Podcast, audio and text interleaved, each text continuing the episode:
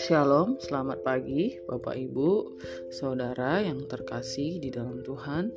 Pada pagi hari ini kita akan mendengarkan renungan yang terambil di dalam Yesaya pasal yang ke-14.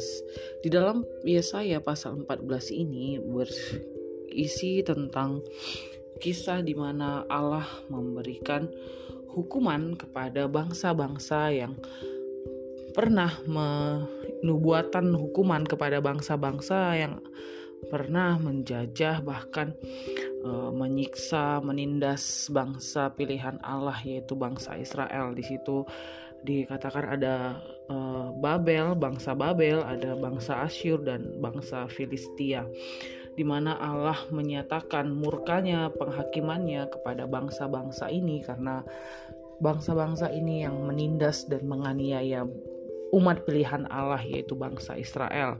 Bahkan di akhir Allah sendiri mengatakan pembelaannya, perlindungannya kepada bangsa Israel dengan mengatakan Tuhan yang meletakkan dasar Sion dan di sanalah orang-orang yang sengsara dari umatnya mendapat perlindungan. Secara keseluruhan Bapak Ibu Saudara pasal 14 di dari kitab Yesaya ini membicarakan mengenai hukuman kepada bangsa-bangsa asing yang melakukan kejahatan di mata Tuhan. Nabi Yesaya memulai dengan nubuatan terhadap bangsa Babel, dilanjutkan terhadap bangsa Asyur dan bangsa Filistia. Nubuatan di dalam pasal ini hendak menjelaskan bahwa setiap bangsa yang melakukan berbagai kejahatan akan mendapatkan hukuman dari Allah Bangsa-bangsa yang disebutkan di dalam bagian ini adalah bangsa-bangsa yang kuat dengan angkatan perang yang hebat pada waktu itu. Namun bangsa-bangsa yang menentang umat pilihan Allah akan dibinasakan. Nubuatan di dalam pasal 14 ini disampaikan oleh Nabi Yesaya oleh karena Asyur hendak menyerang dan membinasakan Yehuda. Tuhan membela umatnya Tuhan membela Yehuda dan karena itu nubuatan ini disampaikan. Tujuan Yesaya menyampaikan nubuatan ini yang pertama, hendak menyatakan bahwa penghukuman dan penghakiman Tuhan atas bangsa Asyur akan segera terjadi. Yang kedua, tidak ada satu bangsa pun yang terluput dari rencana penghakiman dan penghukuman Tuhan. Bila Tuhan berkehendak, maka ia akan melaksanakannya. Bangsa-bangsa yang besar seperti Asyur pun dapat dihancurkan oleh Tuhan. Pelajaran rohani yang pertama, Bapak Ibu Saudara, di bagian ini adalah bahwa Tuhan adalah Tuhan yang adil. Setiap perbuatan jahat yang dilakukan oleh manusia akan mendapatkan penghakiman dari Tuhan, cepat atau lambat hal itu akan terjadi. Selama Tuhan masih memperingati kita dengan firman-Nya atau melalui hamba-hambanya, menegur kita melalui hamba-hamba Tuhan yang dipercayakan melayani kita, itu berarti Tuhan masih memberikan kesempatan bagi kita untuk bertobat dan kembali ke jalannya. Apabila kita tetap mengeraskan hati di hadapan Tuhan, maka Tuhan akan menyatakan keadilannya atas setiap perbuatan jahat yang dilakukan oleh kita. Mazmur 37 ayat 9 menuliskan, Sebab orang-orang yang berbuat jahat akan dilenyapkan, tetapi orang-orang yang menanti-nantikan Tuhan akan mewarisi negeri. Jadi pelajaran pertama yang bisa kita pelajari dari Yesaya 14 ini Bapak Ibu Saudara bahwa Tuhan penghakiman Tuhan itu nyata, bahwa Tuhan itu adil. Tuhan akan menghakimi orang sesuai dengan perbuatannya. Jikalau saat ini Bapak Ibu Saudara kita sedang hidup di dalam dosa, kita sedang hidup menjauh daripada Tuhan, mari berbalik kepada Allah, bertobat jika Tuhan masih memberikan kita kesempatan, mari kita kembali kepada Dia. Mari kita bertobat dan meminta ampun kepada Tuhan dan izinkan anugerah Allah, kasih karunia Tuhan itu mengalir di dalam hati kita, di dalam hidup kita. Jangan sampai kita mendapatkan penghakiman Allah. Karena penghakiman Allah itu sangat mengerikan Bapak Ibu Saudara. Jadi ketika masih ada kesempatan saat ini mari kita bertobat datang kepada Tuhan dan meminta ampun. Itu pelajaran yang pertama yang bisa kita petik kebenaran yang pertama. Nah, kebenaran yang kedua Bapak Ibu Saudara, apa yang bisa kita pelajari dari Yesaya 14 ini? Pelajaran yang kedua adalah jangan pernah sombong. Kenapa saya katakan demikian?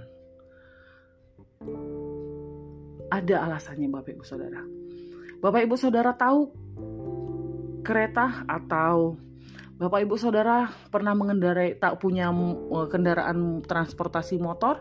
Tahu ya roda ya. Bapak Ibu Saudara, roda kendaraan itu akan terus berputar. Kadang dia di bawah, kadang ada bagian yang ke atas, kadang ada bagian yang ke bawah. Gak selamanya bagian satu bagian itu di atas terus dan gak selamanya satu bagian itu di bawah terus. Akan berputar ya, roda itu kan berputar ya. Kehidupan manusia pun seperti roda.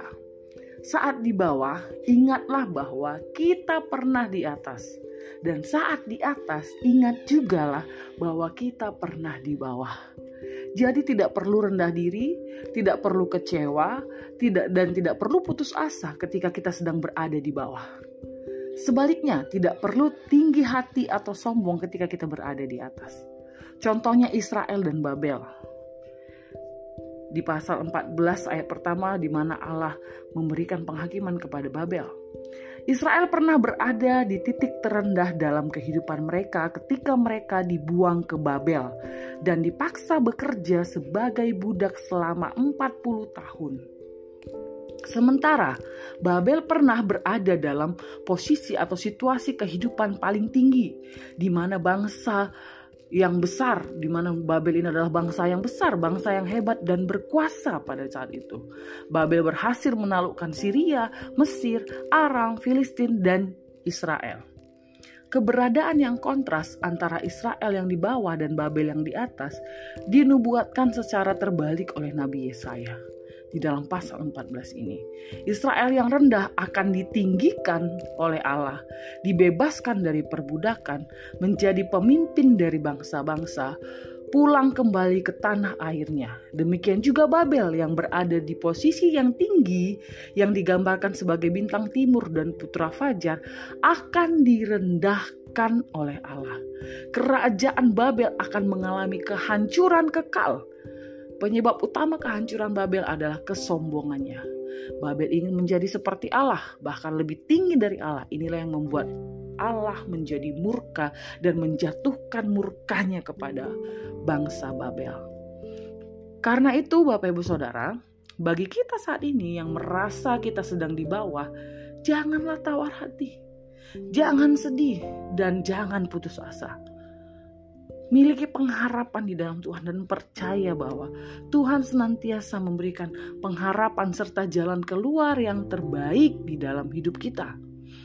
Ingat ada yang mengatakan bahwa seperti pelangi sehabis hujan. Mungkin kita sedang mengalami hujan, sedang mengalami badai, tetapi ingat ketika hujan itu selesai akan ada pelangi seperti ada lagu badai pasti berlalu. Badai yang kita hadapi saat ini, masalah yang kita hadapi saat ini, ada masanya dan pasti akan berlalu. Asalkan kita mau taat dan setia serta mengandalkan Tuhan. Sementara itu, bagi kita yang saat ini sedang merasa di atas, di posisi puncak, janganlah sombong apalagi saudara tinggi hati lalu merendahkan orang-orang yang ada di sekitar kita. Justru sebaliknya, mari kita pergunakan kekayaan dan kesempatan yang Tuhan berikan untuk semakin mengasihi dan menolong orang-orang yang membutuhkan, terutama mereka yang saat ini mengalami situasi yang sulit. Kita bisa melihat bagaimana di sekitar kita banyak orang juga yang mengalami situasi yang sulit. Mungkin kita adalah alat yang Tuhan pakai untuk menjadi berkat buat mereka. Dan dalam hal ini pun nama Allah akan dipermuliakan lewat hidup kita. Amin Bapak Ibu Saudara. Jadi ada dua kebenaran yang bisa kita pelajari di dalam Yesaya 14 ini yang mengingatkan kita. Yang pertama, Tuhan adalah, adalah Tuhan yang adil dan penghakimannya itu nyata.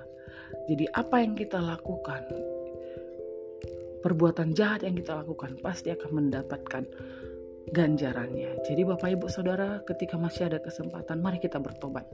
Datang kepada Tuhan, meminta ampun kepada Tuhan. Yang kedua, jangan pernah sombong. Walaupun kita saat ini mempunyai posisi yang di atas, ingat seperti roda berputar, saat ini mungkin kita sedang di atas, tetapi ada kalanya kita akan di bawah. Tetapi ketika kita sedang di atas, mari punya sikap yang rendah hati, mengasihi sesama dan menjadi berkat bagi orang lain. Ketika kita berada di posisi di bawah, jangan tawar hati, jangan sedih dan putus asa. Ingat, ketika kita setia dan taat kepada Tuhan dan mengandalkan Tuhan, akan ada jalan keluar yang terbaik yang Tuhan berikan dalam setiap situasi tantangan kehidupan kita. Amin Bapak Ibu Saudara. Kiranya firman Tuhan ini memberkati kita semuanya. Mari kita sama-sama berdoa. Bapak yang baik, kami bersyukur buat pagi hari ini, buat firman-Mu yang datang kepada kami. Kami mau belajar menjadi anak untukmu yang percaya kepada Engkau. Kami tahu Engkau Tuhan yang adil, Engkau Tuhan yang mengasihi kami, mengasihi umat kesayanganmu, dan kami percaya perlindungan dan pembelaanmu ada di dalam hidup kami Tuhan. Tuhan yang akan menolong setiap kami, segala aktivitas yang kami lakukan hari ini Tuhan ada bersama-sama dengan kami. Terima kasih Tuhan, di dalam nama Yesus kami berdoa dan mengucap syukur. Haleluya. Amin. Shalom Bapak Ibu, Tuhan Yesus memberkati.